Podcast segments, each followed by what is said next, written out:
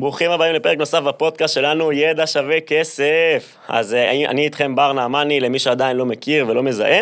חשוב לי להגיד שהפרק הזה הוא בחסות uh, UNI פיננסים. והיום יש לי פרק מאוד מאוד מעניין ומאוד מיוחד עם רועי בנדו, למי שלא מכיר, יועץ כלכלי ועסקי, שותף מייסד uh, ב-UNI פיננסים. מה קורה רועי? מעולה, מה המצב? בסדר גמור, ערב טוב. אני יכול להגיד שאנחנו פה מקליטים את הפרק uh, עם רועי, אצלכם במשרדים, ב-UNI. אז בוא תן שתי מילים ככה למאזינים, למי שלא מכיר אותך, לא שמע עליך או עליכם ב-UNI, מה אתם עושים, מה אתה עושה? אחלה, אז נעים מאוד, אה, קוראים לי רועי בן דור, אה, בן 29, גר בגבעתיים, נשוי טרי. אני יועץ כלכלי ועסקי, אה, מרצה במכללות, בארגונים, סיימתי שלוש שנים עכשיו להרצות באורינג' פלטר, הכשרה של יועצי השקעות, סוכנים ביטוח, מתכננים פיננסיים. אני שותף ומייסד פה ב-UNI פיננסים. מה שאנחנו עושים זה לעזור למשפחות, לצעירים ולבעלי עסקים עם כסף. מה זה אומר לעזור עם כסף? להתנהל כלכלית יותר נכון, לחסוך יותר כסף כל חודש, לצאת מחובות והלוואות, וכמובן להשקיע את הכסף בצורה נכונה, בשוק ההון, אה, נדל"ן אה, וכל מיני השקעות אלטרנטיביות. זה קצת ככה עלינו. אוקיי, okay, מגניב, אז באמת, אומנם אה, בן 29, זה פחות או יותר גילאים דומים, אני 28. נכון לעכשיו, אנחנו מקליטים את זה במרץ 23, לא יודע מתי המאזינים שומעים, אתה יודע, תמיד פונים אליי, עכשיו פנו אליי לפני פרק שהקלטנו לפני שנתיים על השקעות ערך, ואני כזה, אה, וואו, אוקיי, עבר קצת זמן. היית בן 26.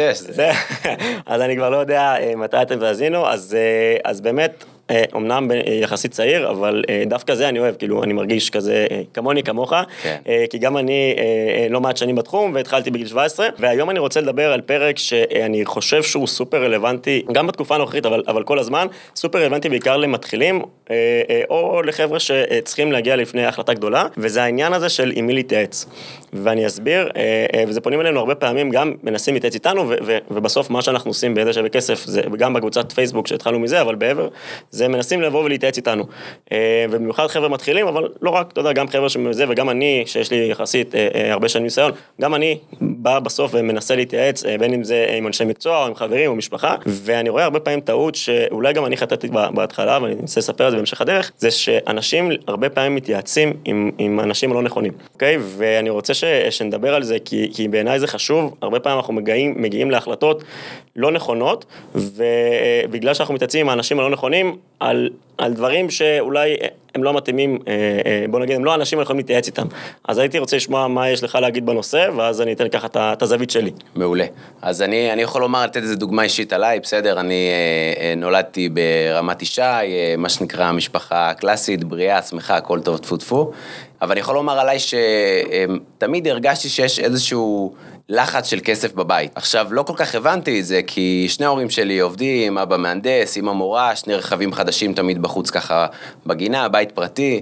אה, על פניו הכל נראה טוב, אבל תמיד היה איזשהו לחץ, ו- ו- ושאלות ומחשבות. אני זוכר שחייתי עם זה והכל היה טוב, אבל בכיתה י"א-י"ב, כך שהתבגרתי, אז יום אחד עזרתי אומץ ושאלתי את אבא שלי, תגיד, למה, למה יש לחץ של כסף? כאילו, מה, מה הקטע? כאילו, הכל טוב, תראו איפה אנחנו גרים, רמת ישי, מקום... איך אה, זה בא לידי ביטוי, אגב, הלחץ של הכסף? סתם, סליחה שאני כותב באמצע, אבל מה, כן. איך זה בא לידי ביטוי? כאילו, בתור ילד, מה אתה רואה? וואו, זו שאלה ממש טובה. אמ, קודם כל, השיח. זאת אומרת, אה, שיח שהוא כזה חצי התלחששויות. כל פעם שיש איזו החלטה או, או החלטה כלכלית או שאלה כלכלית, זה וואו, אין לי כסף, זה יקר, אתה יודע, זה, זה הדבר הראשון שעולה. Mm-hmm. תזכרו שיש לנו הלוואות, תזכרו שיש לנו משכנתה, זאת אומרת... ומשתפים הרבה... אתכם הילדים? אה, כאילו, אותך ואת האחים שלך, אני לא יודע. לא משתפים מספרים אף פעם. אבל משתפים פחדים, שזה אגב, יותר חמור מלא לשתף כלום, לדעתי. זאת אומרת, זה כן. רק, רק את התסמינים, מה שנקרא. בדיוק, רק את הדברים הרעים, ואתה לא חשוף לכל התמונה, אז אתה משלים את זה בדמיון, ובדרך כלל הדמיון רץ קדימה למשהו בדיוק, רע יותר, ממש, ממש. ואני זוכר שאמרתי לאבא שלי באותה שיחה, אבא סבבה, אבל אוקיי, אז יש משכנתה, ויש הלוואות, לא יודעת מה זה משכנתה אגב, כן, אבל יש משכנתה. אבל כל עוד ההכנסות יותר גבוהות מההוצאות, אז הכל טוב, אז לאט לאט נסגור את זה. ואז אני זוכר שהתשובה שהוא אמר לי עשתה לי צמרמורת. הוא אמר לי, נכון, אבל ברוב החודשים ההוצאות גבוהות מהכנסות. ואני זוכר שאמרתי, אה, אה, איך זה יכול, מתמטית, איך זה יכול להיות? אתה יודע, אני לא הייתי עוד יועץ כלכלי, אבל אתה יודע, כאילו, למדתי חשבון ביסודי, ואחרי זה אלגברה, כאילו, ובעצם בנקודה הזאת הבנתי שזה שאני חושב ש, ש, שההורים שלי הם חכמים בטירוף ואינטליגנטים ומוצלחים ו, והלוואי שאני הורה כמוהם, זה לא אומר שהם יודעים הכל. ואם אבא שלי עובד באינטל, אה, ומרוויח הרבה כסף, זה לא אומר שהוא יודע איך להתנהל נכון עם הכסף הזה, mm-hmm. או איך להשקיע נכון את הכסף הזה. והבנתי בעצם, אה, אגב, גם, גם בהרגלים הבסיסיים שלי כבן אדם, אה, קיבלתי הרגלים בסיסיים שלהם, של הבזבזנות. עכשיו, אני לא בזבזן, אבל, אבל קל לי לבזבז. זאת אומרת, תשאל בן אדם, יש, יש שני סוגים של אנשים מאוד בקיצון, סוג אחד של אנשים שמבזבזים ולא מרגישים כלום, וסוג שני שממש מרגישים את זה וזה כואב להם בכיס. לי זה לא כואב בכיס, הייתי צריך לבנות לעצמי שיטה שעובדת לי, שאני יכול לבקר את עצמי ולנהל את עצמי ולשים לעצמי יעדים, כי אין לי את הקטע הזה שזה, שזה כואב בכיס, אז קיבלתי את זה מהם.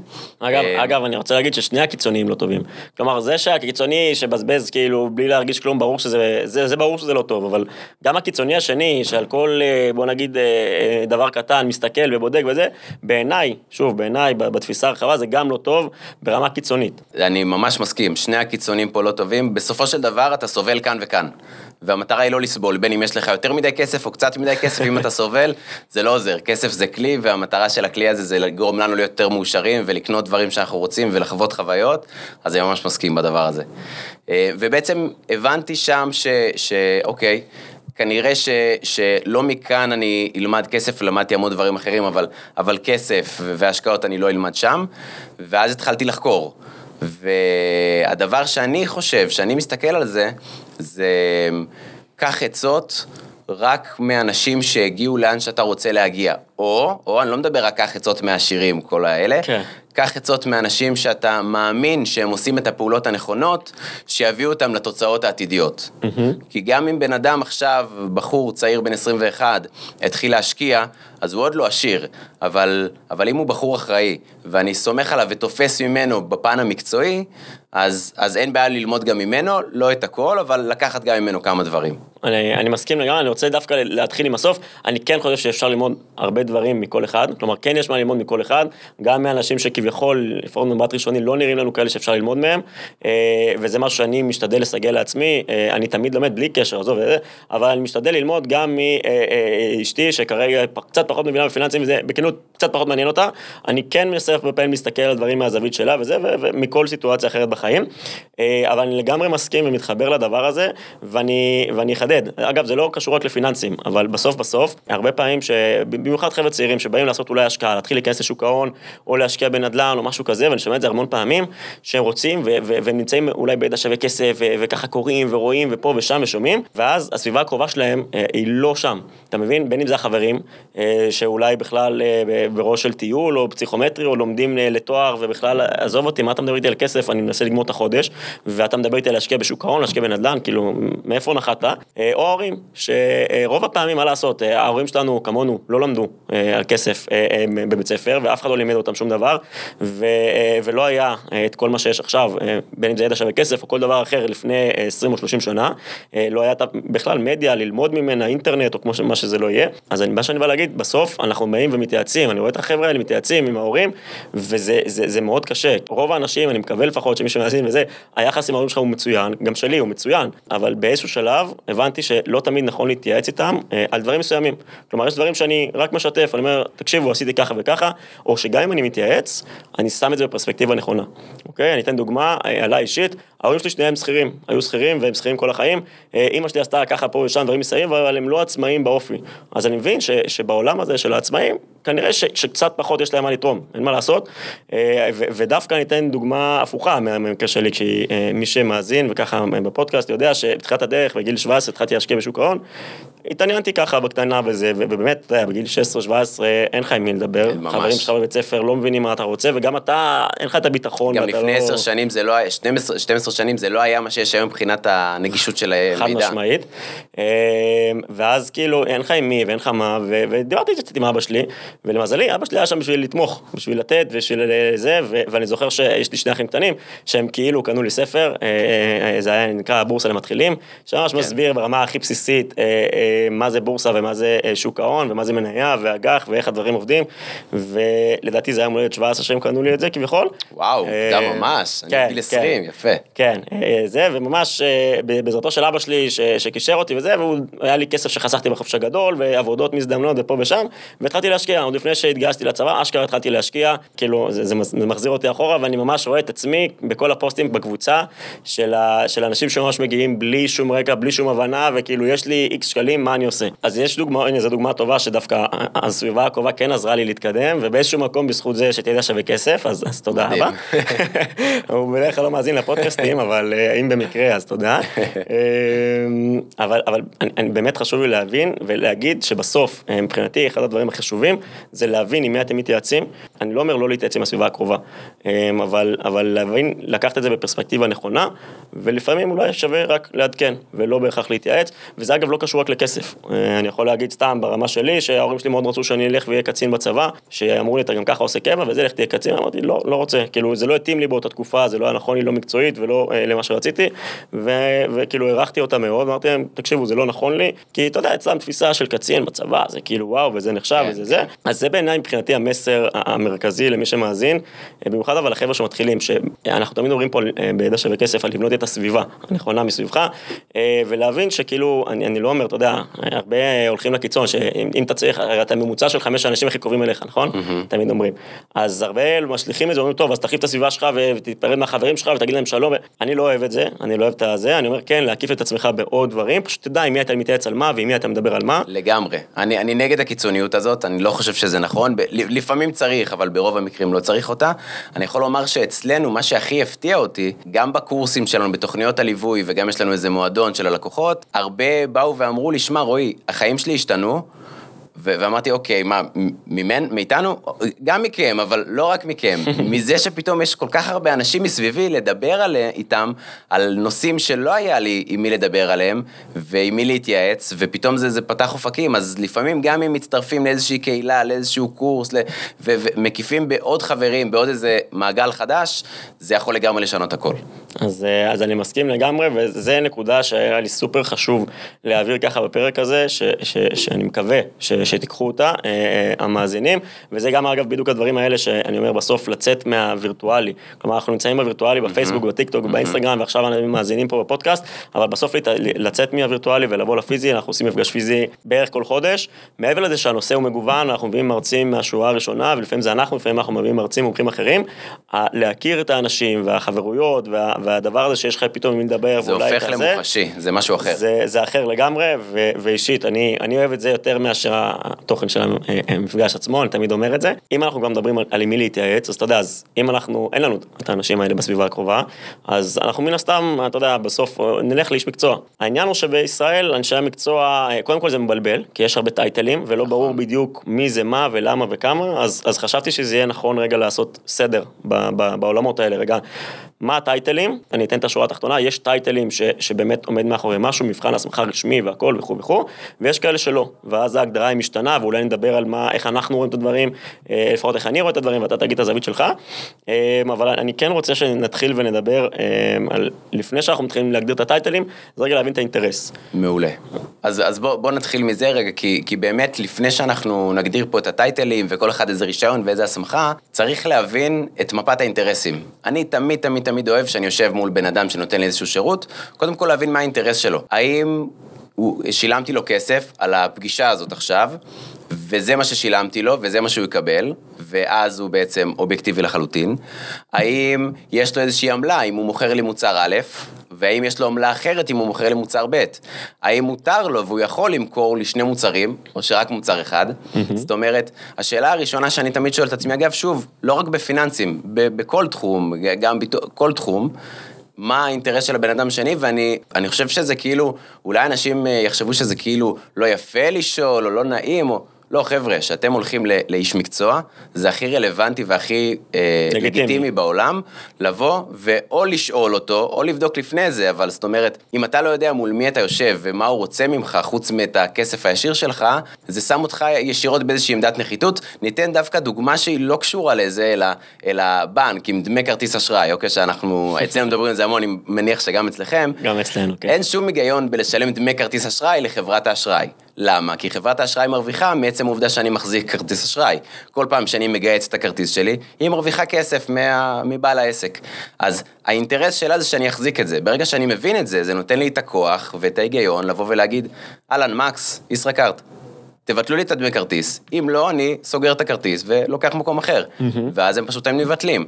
נכון, לשנה ואחרי שנה צריך עוד פעם, אבל זה שם אותך לפחות לא, לא בנחיתות מול מי שאתה עומד. נכון. אז, אה, אז אני מסכים לגמרי, ובסוף להבין את מפת האינטרסים זה, זה סופר חשוב. אה, אז בואו נדבר רגע על, על, בוא נגיד, אני חושב, לא יודע אם זה המקצוע הכי בסיסי, אבל זה, אני חושב שזה די, די נפוץ, כי, כי כל אחד חייב אותו, וכל אחד שהוא מגיע למקום עבודה חדש, אה, נתקל בדבר הזה, זה העולם הפנסיוני, אוקיי? ובכוונה אני לא נוקט, בוא נגיד, נקרא לזה כרגע רישיון פנסיוני. כן. שפנסיוני, אגב, אנשים לא, לא מבינים, אבל זה, זה גם פנסיוני וגם ביטוחי. נכון. כלומר, זה גם מעולם הפנסיה והחיסכון הפנסיוני, שזה כולל קרנות השתלמות אגב, וגמל להשקעה בפוליסת חיסכון, אה, אה, וגם הביטוחים, אה, הביטוחי חיים, ביטוחי בריאות וכו' וכו', בדרך כלל זה פחות ביטוחים אלמנטריים, שזה ביטוח דירה, ביטוח רכב. כי זה כבר רישיון אלמנטרי, זה רישיון אחר. זה, זה משהו אחר, פחות ניגע בו היום, זה פחות רלוונטי. אז בואו בוא נתחיל לדבר על, על שלושת המקצועות האלה, אני אתן הקדמה, ואני אגיד שבסוף יש קורס ש, שעושים עם הסמכה, ובמקרה הזה זה באמת עם תעודה מסודרת ממשרד, מישראל, כאילו, ברשויות המדינה, כן. מה שנקרא, ובשורה התחתונה, בסוף כולם, שלושת המקצועות האלה, אה, גם סוכן פנסיוני, גם יועץ פנסיוני וגם משווק פנסיוני, שלושתם בבסיס עוברים את אותה הסמכה. אותה הסמכה בדיוק, אותם לימודים, אותן בחינות. כשהם מסיימים את זה, הם בוחרים איזה רישיון הם רוצים. אגב, הם יכולים להחליף את הרישיונות כל כמה זמן. אוקיי, אז בוא, בוא נתחיל. בוא נתחיל מעולה. דווקא מ... אה, בוא נגיד מהכי קל, שזה, לא יודע, משווק פנסיוני? משווק פנסיוני, אוקיי. אז משווק פנסיוני זה הכי קל. משווק פנסיוני זה אדם שעבר את הבחינות, עבר את הסטאז', יש גם סטאז' של חצי שנה, ובעצם הוא עובד שכיר או בחברת ביטוח או בבית השקעות, אוקיי? הוא מקבל משכורת בסיס, בדרך כלל הוא מקבל גם רכב, והוא מקבל עמלות מכירה. כשאתה יושב עם משווק פנסיוני, בדרך כלל כשתשב איתו זה יהיה או בשביל לעשות, אה, לעשות לך סדר בפנסיה, או באמת במוצרים פיננסיים, כמו קרן השתלמות, קופת גמל להשקעה וכן הלאה. חשוב להבין שהאדם שאיתו אתה יושב, יכול להיות שהוא הכי מקצוען בעולם, ואגב, אני שם פה איזה כוכבית קטנה. אני אומר יתרונות חסרונות, אין לי נגד או בעד אף מקצוע, זה רק להבין מול מי אנחנו יושבים, להבין בסדר? מפת האינטרסים. ממש, מפת האינטרסים. האדם שמולו אתה יושב, הוא יכול לשווק לך רק את המוצרים בחברה שבה הוא עובד. Mm-hmm. אם אני עובד, אם אני יושב עכשיו לפגישה עם משווק פנסיוני שעובד באלטשולר שחם, הוא יציע לי רק מוצרים של אלטשולר שחם, אוקיי? הוא כן מחויב על פי חוק להוציא לי מסלקה פנסיונית, הוא כן מחויב להראות לי השוואות. רגע, רגע, בוא, בוא נוריד את זה לקרקע, אוקיי. כי אנחנו, זה, זה בסלוגן שלנו בידע שווה כסף, שאנחנו מורידים ברמה שכל ילד יכול להבין, מדהים. אז מה זה מסלקה פנסיונית? זה בעצם אה, אה, היכולת שלנו בלחיצת כפתור אה, להוציא דוח מסודר של כל הכספים שלנו, בכל בתי השקעות, בכל חברות הביטוח, ממה שהיה לנו פעם, ממה שיש לנו היום, ממש עם ניתוח נתונים של כמה כסף יש לנו בכל מקום, איזה מסלול השקעה הכסף שלנו, כמה דמי ניהול אנחנו משלמים, ועוד כמה נתונים שלא ניכנס אליהם. אבל זה לא כולל כסף בבנק, לצורך העניין. זה לא כולל כסף בבנק. ודברים כאלה. נכון. הר הביטוח זה גם משהו שונה. נכון, אוקיי? זה משהו. חשוב שנשים את זה. זה, זה, זה כל מה שקשור לחיסכון הפנסיוני וקופות, קרנות גמל, קופות גמל להשקעה, אה, פוליסת חיסכון וכדומה. בדיוק, אוקיי. אז, אה, אז, אז הוא מוציא את המשלקה הפנסיונית הזאת. כן, לפני שהוא אה, אומר לך בוא תצטרף לפנסיה של אלטשולר שחם, הוא כן חייב להוציא גם דוח השוואה, אוקיי, על פי חוק, של בוא תראה איפה אלטשולר שחם לעומת האחרים, אבל בסוף הוא יכול לצרף אותך רק לאלטשולר שחם. ואם אלטשולר שחם, בכוונה לקח אותם כדוגמה, כי הם כן. היו קצת בנפילה בזמן האחרון, למרות שהם מתחילים להתאושש, הוא אף פעם לא יבוא ויגיד לך, שומע, אלטשולר כרגע פחות במקום טוב, בוא נעשה בכלל, או במיטב דש, לצורך הדוגמה. ושוב, חשוב לציין, אין לנו שום דבר נגד אף אחת מהחברות, לא אלטשולר, אה, לא נגד לא. ולא לטובת, אגב, לא אלטשולר ולא חברה אחרת שנזכיר פה במהלך הפרק. בדיוק, בסדר, אז, אז חשוב להבין את זה, אז גם אם יש לכם מישהו שאתם ממש סומכים עליו, הוא משווק פנסיוני, פשוט להבין, הוא לא יכול לשווק לכם אף מוצר אחר. בסדר? אז, אז זה משווק פנסיוני, אוקיי? משווק פנסיוני זה בסוף בחור, בן אדם שהוא אה, עובד שכיר של אחת מחברות בתי ההשקעות, חברות הביטוח, לא משנה כרגע. אה, הוא עבר באמת את אותה הסמכה כמו כולם, אבל הוא עובד שכיר רק שלהם. בדיוק. זה, זה, זה האינטרס שלו, ומשם הוא מקבל את המשכורת, וגם גם אם היה רוצה, אין לו יכולת לשווק לך משהו אחר, אין לו יכולת להציע לך משהו אחר. בדיוק. אוקיי. אז זה הראשון הראשון. נמשיך עם סוכן פנסיוני? קדימה. אוקיי. סוכן פנסיוני הוא בדרך כלל עצמאי, יש סוכנויות שיש גם סוכנים פנסיונים שכירים, ובעצם סוכן פנסיוני עובד במודל הבא. הוא יכול לעבוד או עם חברה אחת, או עם הרבה חברות, אוקיי? אין הגבלה למספר חברות שהוא יכול לעבוד איתן. לא רק יעבדו עם אה, כמה חברות. עם כמה חברות כן. בדרך כלל, יש רק עוד כמה סוכנים עתיקים שעובדים עוד עם איזה חברה אחת כזה, אבל פחות רואים את זה. ובעצם המודל העסקי שלו זה שהוא מקבל עמלות. אוקיי, יכול להיות שיש לו בחברה אחת עמלות יותר טובות מחברה אחרת, יש על זה אגב היום המון רגולציה, אבל בסך הכל העמלות הן די דומות, חשוב לומר, אוקיי, בין, בין המוצרים השונים. אבל בין המוצרים, רגע, חשוב להגיד, כלומר, עמלות בפנסיה לצורך העניין, אה. בין כל, שאר, בין כל החברות, הן יהיו דומות, אבל זה לא יהיה דומה לביטוח מנהלים, ובכוונה הבאתי את שתי הדוגמאות נכון. האלה. אה, כי אנחנו מדברים לא מעט בפודקאסט על ביטוח מנהלים והכל. אה, אני חושב שדיברנו על, על האינטרסים של סוכני ביטוח שמדברים על ביטוחי מנהלים. שוב, אני אסייג, וזה גם לא המלצה ולא תכנון פנ- פנסיוני ולא תחליף לייעוץ פנסיוני, ואין לי רישיון פנסיוני, אפרופו רישיונות, אה, אז זה לא המלצה ולא ייעוץ, אבל כן, אני באמת חושב שצריכה להיות הצדקה סופר מטורפת שאני לא מכיר בשביל לפתוח ביטוח מנהלים חדש, למי שבוא נגיד לא עובר את התקרה אה, הפטורה של אה, קרן פנסיה אה, מסכים ממש. מקיפה. בסופו של דבר, כשאתה מגיע לסוכן פנסיוני, מה שאני הייתי מוודא, זה שהוא כן עובד עם כמה חברות, אוקיי? אין לו את היכולת לדעת אם הוא מחברה אחת מרוויח יותר או פחות, אבל שוב אני אומר, אם אנחנו מדברים על מוצר ספציפי, כמעט תמיד זה, זה מאוד מאוד דומה, אז פחות הולכים לכיוון הזה. לפעמים, מה שאני קצת פחות אוהב, זה שיש להם כל מיני תחרויות, בבתי השקעות או בחברות ביטוח, ואז אם בית השקעות ספציפי נותן לך איזושהי, איזשהו אינסנטיב מסביב של תצבור לי מיליון או שני מיליון שקלים ואז תטוס לחו"ל, אז יש דברים כאלה, כן חשוב לומר. שוב, אני חושב בסופו של דבר שאפשר גם לקלוט מול הבן אדם שיושב מולך, אם אתה מרגיש שהוא אמין ומקצועי, אז לך על זה ורק תבין את, ה, את האינטרס מהבחינה הזאת. אז בדיוק, אם אני אסכם את העניין של סוכן, זה בן אדם שוב שעבר את אותם, אותו דבר כמו כולם, אה, אבל, אבל הוא עובד, בניגוד למשווק פנסיוני, הוא עובד עם כולם, אה, הוא בא ועוזר לך ונותן ועובד עם כולם, בדרך כלל, לא חייב, יכול להיות שהוא עובד ספציפית, יכול להיות שהוא רב עם חברה מסוימת ולא רוצה לעבוד איתה מסיבה כזאת או אחרת, חשוב לשאול, חשוב להבין, כאילו סתם, אם, אם אתם רואים שהוא לא מציע לכם חברה מסוימת או ששמעתם ואתם חושבים מזה, או לשאול מההתחלה, האם אתה עובד עם כולם, יש חברות שאתה לא עובד איתם, בעיניי זה כן חשוב אה, אה, נכון. להבין ולשאול למה. יכול להיות שאגב הסיבה האמיתית, ויכול להיות ש, שהוא מאפה את המציאות, אז קחו את זה בחשבון. שוב, אני, אני חושב שיש סוג של עליהום אה, בברנז'ה הפיננסית, אני זה על סוכני פנסיונים. עכשיו, אני חייב להגיד שאני פגשתי לא מעט. אני רוצה להגיד שאני כן חושב שיש הרבה מקצועים, והרבה אנשי מקצוע אמינים וטובים, וזה נכון שיש הרבה כאלה שבוא נגיד אה, מחטיאים את כולם. אני לא, אני לא אוהב את ההכפשה הקבוצתית הזאת, זה משהו שחשוב לי להגיד. אני כן אומר, תפתחו עיניים. אני, אז אני אסכם, זה, זה, זה הנושא של סוכן פנסיוני, הוא כן זה, הוא מקבל עמלות אה, אה, מאחורי הקלעים, ולכן אגב, הפגישה איתו עולה כסף, לא עולה כסף. אז זהו, זה תלוי מאוד בסוכן, היום יש כאלה שכבר התחילו לגבות, יש כאלה שלא גובים. אני אישית, ב mindset שלי, לא הולך לפגישה אם אני לא משלם עליה, בתור לקוח. כי אם אני לא משלם עליה, אז כנראה שאני המוצר. כן. ואז ירוויחו ממני בעקיפין, אז אני דווקא מעדיף את זה. גם אם יש סוכן שמציע להיפגש בחינם, זה לא אומר שהוא רע, זה לא אומר שום דבר, אבל בכל מקרה לדעת, יש כאלה שגובים, יש כאלה שלא. בכל מקרה מקבלים גם עמלות מכירה. בדיוק, זה חשוב להבין. אני אגב חושב, אני מודה שפה רגולטורית אני לא סגור על הנושא, ואולי צריך לבדוק את זה, שהבנתי שלסוכן שמקבל עמלות מסביב, אסור לו לגבות כסף בפגישה. אני לא יודע, אולי זה תחום אפור, אולי, אתה יודע, זה לא נקרא פגישת זה אה, קצת תחום ייעוץ. אפור, זה, זה קצת תחום אפור, עוד רגע נגיע ליועץ פנסיוני וזה אולי ייסגר, זה קצת תחום אפור, אבל בעיקרון היום כבר אה, די גובים, אוקיי, בדרך כלל. בסדר גמור, אז, אה, אז זה ברמה הזאת, זה סוכן פנסיוני. נעבור לשלישי שמשלים לנו את הסריה, יועץ פנסיוני. מעולה. יועץ פנסיוני. מה זה יועץ פנסיוני? יועץ פנסיוני גם כן הוא כמעט תמיד עצמאי, לא נראה לי אפילו שיש אה, תפקיד כזה כשכיר. ויועץ פנסיוני הוא לא מקבל עמלות מכירה, אסור לו על פי חוק לקבל עמלות מכירה מחברות ביטוח בתי השקעות, הוא גובה שכר טרחה. גם פה הוא מוציא לך את המסלקה הפנסיונית שדיברנו עליה מקודם, ובעצם נותן את ההמלצות שלו על פי, על פי המחשבות וההחלטות שלו. בסדר? אמ, אפשר לומר שמבחינת שלושתם, הוא אמור להיות הכי אובייקטיבי, אבל אני שוב מסתייג ואומר, יש סוכנים מדהימים שהם אובייקטיביים והם לא מסתכלים על העמלות מכירה ועל האינטרסים ובאמת עושים מה שצריך. ליועץ פנסיוני פשוט לא יהיה שום אינטרס לעשות את זה מעבר, כי בסוף הוא קיבל כסף על הפגישה או על התהליך שהוא לקח איתך. בדיוק, אז כלומר, בשורה התחתונה, יועץ פנסיוני, גם אם הוא רוצה, הוא לא יכול ללוות אותך בתהליך. כלומר, בסוף, מה שאתה אמור לעשות, אם אתה הולך לאחד המאזינים שומע עכשיו, את או אתה, אה, או אתם הולכים לפגישה עם יועץ פנסיוני, הוא ייתן לכם המלצות, יגיד לכם, תקשיבו, צריך לעשות 1, 2, 3, את הפנסיה, להזיז מפה לשם, מסלולים, עניינים. בשורה התחתונה, לכו עכשיו לסוכן, או לכו ישירות לחברת הביטוח ותעשו, תיישמו את ההמלצות. כלומר, אתם לא יכולים אה, לבוא ליועץ, לשלם לו כסף, ואז לבקש שהוא יישם, בהגדרה בחוק, אסור לו לעשות לא את זה, יכול. זה בדיוק המהות, זה בדיוק המשמעות, כדי שחלילה בטעות לא יהיה איזשהו אינטרס סמוי. אז אני מקווה שעשינו סדר ברמת האינטרסים, ברמת ה... ה-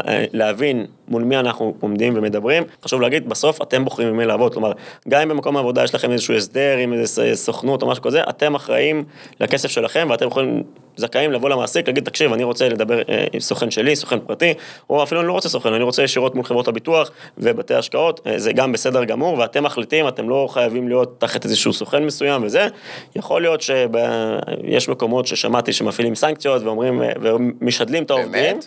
תראה, לא, לא סנקציות, אבל משדלים את העובדים וגורמים להם להבין שעדיף שיעבדו עם הסוכנות הסדר. כן. כנראה שלמקום העבודה יש איזשהו דיל עם סוכנות ההסדר, אני לא רוצה... שזה אגב לא חוקי. נכון, אבל אתה יודע, יכול להיות שזה קצת נכון. פחות זה נעלם קצת יותר מהעולם עכשיו, אבל אני מכיר סיפורים כאלה, כן. אז תדעו שאתם, אה, אה, אה, שאתם זכאים לעשות מה שאתם רוצים. אני רוצה לתת על זה עוד נקודה, לא רק שאתם לא מחויבים ללכת על הסוכנות של מקום העבודה, גם אם הלכתם על הסוכנות הזאת, הם לא יכולים לבחור בשבילכם באיזה גוף מנהל אתם תהיו, בין אם זה בית השקעות או, או חברת ביטוח, הם לא יכולים להחליט בשבילכם איזה מסלול השקעה, יש עדיין אנשים שחושבים ש, שמקום העבודה מחליט בשבילי איזה מסלול השקעה להיות. לא, אין, אין, זה ממש לא ככה. בוא, בוא נסייג אולי רק לפיצויים, זה משהו שהוא כן, אה, נכון. זה, לפיצויים בחיסכון הפנסיוני, ששם, בוא נגיד, בשביל להזיז אותם למסלול למסלול או דברים כאלה, אנחנו כן צריכים את האישור של מקום העבודה, כי על פניו, על פניו הכסף הזה זה כסף של המעביד, כל עוד אנחנו נכון, עובדים אצלו. נכון, נכון, לגמרי. אני יכול לתת פה סיפור קצר, אה, דוגמה רק על הדבר הזה, כשאבא שלי התקבל למקום עבודה חדש, אה, אז הגיע אליו כמובן סוכן פנסיוני, והסוכן הפנסיוני אמר לו, אה, בוא, בוא תעביר את הפנסיה שלך ממקום א' למקום ב'. אבא שלי במקרה זכר שעשר שנים לפני זה, במקום עבודה הקודם, אמרו לו שיש לך פנסיה, אז היה פנסיות ותיקות, עם uh, תנאים ש, שהיום אין. Mm-hmm. Uh, הוא אמר לו, אל תעשה את זה עדיין, הלך ובדק עם, ה, עם היועץ הקודם שהוא ישב אצלו, והוא אמר לו, אוי ואבוי, אתה הולך להפסיד מאות אלפי שקלים אם אתה עושה את הדבר הזה. אז שוב, להבין את מפת האינטרסים בסופו של דבר. נכון, זה השורה התחתונה. וזה עצוב לי לשמוע, ויש לי גם, אני לא אכנס לזה עכשיו, אבל יש לי גם סיפור כזה של חבר ששמע, שאתה יודע, מהעבודה הקודמת וזה, והוא אמר לי, כן, שמע, וזה, יש לי מישהו שמטפל לי, ואתה יודע, הכל טוב. אבל אז הוא שאל שאלה, וחפרנו וחפרנו, ומסתבר ש, שבסוף הם החליפו את כל הזה. אוי ואבוי. וזה היה מדהים, כי, כי ממש היה דו-שיח, כאילו אמרתי לו, הוא מדבר איתו, אמרתי לו, תקשיב, אתה תגיד לו ככה, והוא יגיד לך ככה, ואתה תגיד לו ככה, והוא יגיד לך ככה, ויום אחרי זה אני יושב איתו בעבודה, אומר לי, תשמע, זה מדהים, כל מה שאמרת לי הוא אמר ככה, ואמרתי לו ככה, והוא אמר ככה, ובסוף הבנו שהוא, סליחה על הזה, אבל מחרטט אותנו, אמ, ו- וזה עצוב, כי אתה יודע, ההורים שלו שם שנים איתו, והכל, וזה כאילו מישהו שזה, ואומר, פשוט כל המשפחה עברה, ו- ו- וזה, וזה באסה, בסופו של דבר, אז, אז אני אומר, אני לא רוצה להחתים את כל הזה, כי יש סוכנים מצוינים ואובייקטיביים וטובים, אבל שימו לב לדבר הזה. אז זה בעולמות הפנסיונים. עשינו סדר, אני חושב שזה הכי חשוב. אני כן ארצה לגעת בכמה נקודות, כי, כי יש דברים שהם, בוא נגיד, פחות רשמיים, אוקיי? אני כן אגע, נגיד, ב, ביועץ השקעות. שיועץ השקעות, בדרך כלל הם עובדים בבנק כמעט, אה, בבנקים ובתי השקעות, כמעט אין יועצי השקעות שהם פרטיים. אני אגיד שיועצי השקעות, המהות שלהם זה, זה שוק ההון, כמעט אה, נכון. בגדול. אה, ו, ויועצי השקעות זה בן אדם שאשכרה, כמו שאנחנו תמיד אומרים, זה לא ייעוד, זה לא המלצה ואסור לנו להגיד לכם מה לקנות. אז יועץ, יועץ השקעות הוא בן אדם שכן מותר לו להגיד לך מה לקנות. כלומר, בסופו של דבר מותר לו, אחרי שהוא עושה לך אפיון צרכים, ומבין את הצרכים שלך, ומי אתה ומה אתה וסיכון וכו' וכו', הוא עושה איזשהו תהליך מסוים ויש להם רגולציה מסודרת והכל, אבל יש לו גם אה, תעודה אה, רשמית אה, ממסוד בישראל, ומותר לו להגיד לך ממש, תקשיב, בגלל מה שאתה מספר והתנאים שאתה זה והסכומים שיש לך וכו' וכו', אני ממליץ לך לקנות מניה X או מדד Y ולהגדיר לך את האלוקציה של התיק ולהגיד לך מה לקנות, לדעתו כמובן. הוא בעצם איש המקצוע היחיד, יש לומר, שרשאי על פי חוק לעשות את זה. זאת אומרת, נכון. אין אף סוג נוסף של רישיון, של מישהו שאומר לך, בוא תקנה את מניית טסלה ואמזון ו-S&P 500. ולנהל לך את הכסף. נכון. כלומר, אה, אפשר, יש איזה זה, שאם אתה, אין לך זה, אז לדעתי, אם אני לא, לא טועה, אפשר עד חמישה אנשים לנהל את הכסף בצורה נכון. פרטית, אבל בסקיילים גדולים וזה, אסור לעשות את זה, כלומר, אה, אסור לי לבוא, להגיד לך, אה, רועי, שמע, בוא תקנה ככה וככה, בוא אני אנהל לך את הכסף. גם אם זה כסף שלך ואתה נותן לי ייפוי כוח, אצלך בחשבון, אני אנהל לך את הכסף ויעביר לך ויקנה לך מניות והכל, אז זה אסור. ליועץ אה, השקעות מותר לעשות את זה. נכון. זה בערך הטייטל כאילו היחיד שמותר לו לעשות את זה כמו שאתה אומר. אה, אבל מעבר לזה, כל, כמעט כל שאר דברים, אני לא מדבר רגע על עורך דין, אה, רואה חשבון. אני לא מדבר רגע על עורך דין ורואה חשבון, אני מדבר באופן כללי על כל שאר הטייטלים הפיננסיים. אם זה יועץ כלכלי ומתכנן פיננסי ויועץ כלכלת המשפחה וכו' וכו', אין משהו רשמי, אה, אוקיי? כן, זה שנגיד CFP, תכנון פיננסי, שזה הסמכה בינלאומית, אבל בישראל זה לא תופס, זאת אומרת, אני מחר יכול לקרוא לעצמי מכהן פיננסי, ואף אחד לא יבוא לי בטענות. לגמרי. אה, אותו דבר ליועץ משכנתה, ליועץ כלכלת המשפחה והכל, אז חשוב להבין את זה, ואז אנשים יגידו, טוב, אז מה, אז כל אחד קורא לעצמו אה, יועץ פיננסי, וזה נכון, קודם כל זה נכון, אז אז מבחינתי, כשאתם אה, אה, נתקלים בדבר הזה, ותכף אנחנו נגיד מה הגישה שלי, אה, שאגב, כל מקצוע אמור לעשות, אבל לפני שאנחנו אומרים, צריך להבין שבסוף בסוף, מה שאנחנו נגיד, אז יכול להיות שאנשים אחרים מגדירים את זה אחרת.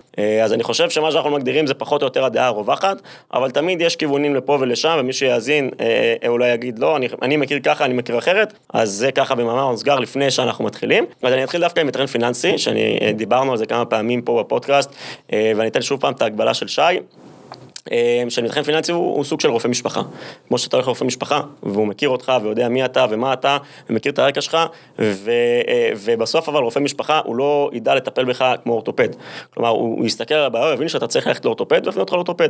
אה, אותו דבר תכנון פיננסי, כלומר, הוא יבוא ויסתכל על כל הדברים שלך, והוא יבנה איתך מטרות לטווח ארוך, ויעזור לך אולי באלוקציה, אבל בסוף הוא יגיד לך, תשמע, בוא, אתה צריך ללכת לעשות סדר בפנסיה, הוא ישלח אותך ליועץ או סוכן פנסיוני. אתה צריך לעשות סדר בביטוחים, כנ"ל, כנ"ל, אתה צריך לעשות אה, עסקה בנדל"ן, אז יכול להיות שה, שה, שהבן אדם אה, מהתכנון הפיננסי שהלכתם אליו מבין בנדל"ן ויודע לעזור לכם לאתר גם את העסקה והכל, אה, אבל יכול להיות שהוא פשוט ישלח אתכם למלווה משקיעים, או שיגיד לכם תתמקדו, או שיגיד לכם, תקשיב, זה האלוקציה שלך לנדל"ן, מכאן בהצלחה. אז זה בדיוק, זה ההגבלה שלי, לפחות למתכנן פיננסי, ואם אתם המאזינים רוצים לה, להעמיק בזה, יכולים כמה פרקים אחורה, דיברנו על שי ואני, על מה התפקיד של תכנון פיננסי ולמה זה כל כך חשוב, לפחות בעינינו. אז מעבר לתכנון פיננסי, אה, בואו נדבר קצת על, על דברים אחרים, על יועצי, יועצים לכלכלת המשפחה, או יועץ פיננסי, או דברים כאלה, בוא תגיד מה הטייטל שלך, מה בתפיסה שלך, מה הוא אמור לעשות. מעולה, אז uh, אני עושה איזושהי הפרדה, כי יש יועץ כלכלת המשפחה ויש יועץ כלכלי. שוב, זה, זה, זה לא סוג של רישיון, זה איך שאנחנו מגדירים את זה פה, אוקיי? Mm-hmm.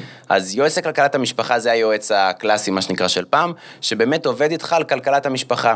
עוזר לך להתנהל יותר נכון עם כסף, לחסוך יותר, לצמצם הוצאות, אולי מנסה לעזור לך להגדיל את ההכנסות, להפסיק לשלם ריביות וכן הלאה. זה יועץ כלכלת המשפחה. המטרה שלו זה בשורה התחתונה להגדיל לך את התזרים החודשי כל חודש, אוקיי? יועץ כלכלי, מה שאני מגדיר יועץ כלכלי, זה מישהו שהוא גם מתעסק בכלכלת המשפחה, אבל גם בהשקעות. זאת אומרת, כמו שאנחנו עושים פה, אנחנו גם עוזרים מצד אחד לאנשים לחסוך הרבה יותר כל חודש, גם לתקן את מערכת היחסים שלהם עם כסף, אם דיברנו מקודם על הקיצונים, אז לא להיות לא לקיצון הזה ולא לקיצון השני. Mm-hmm. ומהצד השני, אחרי שאנחנו מייצרים להם את החיסכון או את התזרים החודשי הזה, אז ממש גם עוזרים להם עם השקעות, בין אם זה שוק ההון, בין אם זה נדל"ן, בונים להם את התמהיל הנכון, מלמדים אותם, מדריכים אותם. שוב, זה לא ייעוץ השקעות, אתה לא בא ואומר להם תקנה א', ב', ג', אבל אתה מלמד אותו מה זה אומר להשקיע במדד, ולמה להשקיע במדד באמצעות קרן סל ולא בקופת גמל להשקעה. זאת אומרת, אתה נותן את, את כל היתרונות חסרונות, והבן אדם בסוף בוחר מה לעשות. זה בדיוק מה שאנחנו עושים אצלנו בתוכנית להכשרת יועצים כלכליים, מכשירים את, ה, את הסטודנטים שלנו גם איך לנהל בצורה נכונה את הכסף, גם איך להשקיע את הכסף בצורה נכונה בשוק הון ובנדל"ן, וגם פיננסים לעסקים, וזה מה שאני חושב שכל יועץ כלכלי צריך לדעת לעשות בצורה נכונה. זה אולי יישמע קצת פרסומת, אבל זה בדיוק מה שאנחנו עושים כאן ב-UNI בתוכנית להכשרת יועצים כלכליים. מלמדים את הסטודנטים גם איך לנהל את הכסף בצורה נכונה, איך ללוות משפחה כדי שהיא תחסוך הרבה יותר כסף, וגם איך להשקיע את הכסף בצורה נכונה בשוק הון ובנדל"ן. Mm-hmm. אז זה יועץ כלכלי, זאת אומרת, ואם אני אולי אעשה השוואה מול מתכנן פיננסי שאמרת מקודם, יועץ כלכלי מתעסק בפחות תחומים, פשוט יותר בעומק. זאת אומרת, mm-hmm. לוקח מכל התחומים, הרי מתכנן פיננסי מתעסק גם ב, אה, לא יודע, מצבאות ובמיסוי והרבה דברים, אז יועץ כלכלי לא נכנס למקום הזה, רק כלכלת המשפחה והשקעות, פשוט בצורה יותר עמוקה. מגניב. אז אני מקווה שהצלחנו ככה לעשות סדר. אני כן אגיד על, על, על עניין של משכנתה, יועץ משכנתה. אה, בתור מי שעבר, אגב, קורס ליועץ משכנתה, זה גם לא משהו שהוא אה, אה, אה, רשמי. לצורך העניין, מחר כל אחד יכול לקרוא, לקרוא לעצמו יועץ משכנתה. אה, אז אני כן עברתי קורס, אני לא עושה את זה ולא נותן כאילו אה, שירותי אה, של יועץ משכנתה, אה, של ליווי משכנתה, אבל אני כן חושב שהמקצוע הזה הוא סופר חשוב. חשוב, וכל אחד מאיתנו בחיים בערך נתקל לפחות פעם אחת, אני מקווה, שהוא בא לקחת משכנתה על נכס, על נדל"ן, ובסוף זה מסתכם, ההבדלים יכולים להגיע למאות אלפי שקלים. אם אתם חושבים שאתם הולכים ליועץ משכנתה בבנק, אז זה בדיוק זהות האינטרסים. אוי ואבוי. כן, כי, כי, כי מבחינתי בבנק זה לא יועץ משכנתה, זה משווק משכנתה. ודיברנו קודם על שיווק והכל, בסוף הבן אדם שיושב בבנק ונותן לך ייעוץ על משכנתה, הוא, הוא שכיר של הבנק, ו, ויש לו יעדים ויש לו מטרות והוא צריך למכור משכנתה, והאינטרס שלו זה שהבנק ירוויח הרבה כסף, ולא אתה, אין מה לעשות, זו האמת. הוא בסוף הוא סוכן מכירות, אין מה לעשות, זאת האמת. נכון, נכון, אז, אז, אז אם דיברנו על זהות האינטרסים ועל מפת האינטרסים, שימו לב מול מי אתם עומדים, זה, זה סופר קריטי, יועץ משכנתה פרטי, מן הסתם אתה משלם לו על, על, על, על הזמן שלו ועל הליווי, וזהו, כלומר, הוא לא, אני לא מכיר לפחות שיש יועצים שיש להם הסכמים ו, ומשהו כזה עם בנקים לא. מסוימים, אני לא חושב שדבר כזה קיים, אה, אז קחו את הדבר הזה בחשבון, נכון, זה לא כיף שאתה מוציא, שאתה קונה דירה אה, במיליון או שתי מיליון או לא יודע כמה, אה, להושים עוד חמש, שש, שבע, שמונה אלף שקל לייעוץ משכנתה, אני מבין, אני באמת חושב, אני, מה זה חושב, אני יודע, אני רואה שזה חוסך עשרות אם לא מאות אלפי שקלים. אני, תראה, אני, אני מבין במספרים, אני יודע, וגם אני בחודש יוני האחרון אה, קניתי דירה להשקעה, לקחתי יועץ משכנתה, אוקיי? כן. זאת אומרת, זה לא קשור אם אתה מבין וחושב שזה, אתה צריך מישהו שהוא בצד שלך, שהוא עושה השוואה בין הבנקים, שהוא גורם להם להוזיל את המחירים, ו- ובטח בעסקה כל כך גדולה, לא משנה אם זה חצי מיליון או מיליון או ארבע מיליון שקלים, זה המון כסף, ולא הייתי מוותר על זה בחיים. אני מסכים, העלות תועלת פה בעיניי היא אדירה. אני רוצה שנדבר על, אה, על המאזין שעכשיו מאזין, אה, מאזין לפרק הזה, ואומר, טוב, הבנתי, סבבה, דיברנו על בהתחלה על, אה, על זה שאני לא אתייעץ בהכרח עם כל אחד והכל, אבל, ועכשיו דיברנו על אנשי מקצוע, איך בכל זאת נכון בתפיסה שלך להסתכל על אנשי מקצוע, כלומר איך אני בוחן, עכשיו נניח אני מבין שאני צריך ללכת ליועץ משכנתה, סתם דיברנו על יועץ משכנתה, או, או סוכן פנסיוני, איך אני מבין כאילו אם, למי ללכת, למי לא ללכת, מה, מה, מה אני יכול לעשות? הייתי מתחיל משאלה ראשונה, זאת אומרת קודם שואל את עצמי לאיזה סוג של איש מקצוע אני רוצה ללכת בכלל, mm-hmm. אוקיי? כי אם אני עכשיו רוצה ללכת, יש לי כל מיני עניינים, יש לי גם, אה, אני לא כך יודע מה עם המיסוי שלי, ואולי יש לי גם איזה עסק, ו- ואולי איזה צבא או משהו, אז, אז אני כנראה ארצה מתכנן פיננסי, אבל אם אני רוצה פשוט לחסוך יותר ממה שיש לי היום, או לקחת ולהשקיע, אז אולי אני ארצה יועץ כלכלי. זאת אומרת, השאלה הראשונה היא בכלל מה רלוונטי מהבחינה הזאת. לדברים שהם בתחום האפור, כלומר, יש דברים, כמו שאמרנו. יש דברים שהם, אה, שהם, אה, כן, שמקבילים בכמה סוגים של אה, או רישיונות או איפה שאין רישיונות, ואחרי שהבנתי או צמצמתי את האפשרויות, תראה, אני, אני הייתי עושה שתי בדיקות. הבדיקה הראשונה זה להבין, האדם שמולי, במה הוא מתמחה. אוקיי? בן אדם לא יכול להיות מומחה בהכל, אני לפחות מאמין ככה, mm-hmm. אוקיי? אני, יש דברים שאני ממש מומחה בהם, ויש דברים שאני פחות. לצורך הדוגמה, הרבה פעמים שואלים אותי באינסטגרם, אה, אני רוצה לבוא לך לתוכנית ליווי, אחד מהדברים שאני רוצה לעבוד עליהם זה גם תכנון המיסוי שלי בצורה נכונה בהשקעות נדל"ן בארצות הברית. Mm-hmm. אני אומר, אני יכול לעזור, אבל אני בטוח שיש מישהו יותר מקצועי ממני בנושא הספציפי הזה. אז זאת אומרת, להבין במה הבן אדם שמולך מתמחה, מה הצורך שלך, והאם הוא מתמחה בצורך הזה, ו, ולא להתבייש לשאול ולבדוק, בסדר? סופר זה, חשוב. זה, זה השאלה הראשונה. הדבר השני זה הייתי בעיקר בודק מה הוא עושה עד היום, בין אם מבחינת ההישגים שלו, מבחינת לקוחות, כמה אנשים עברו אצלו.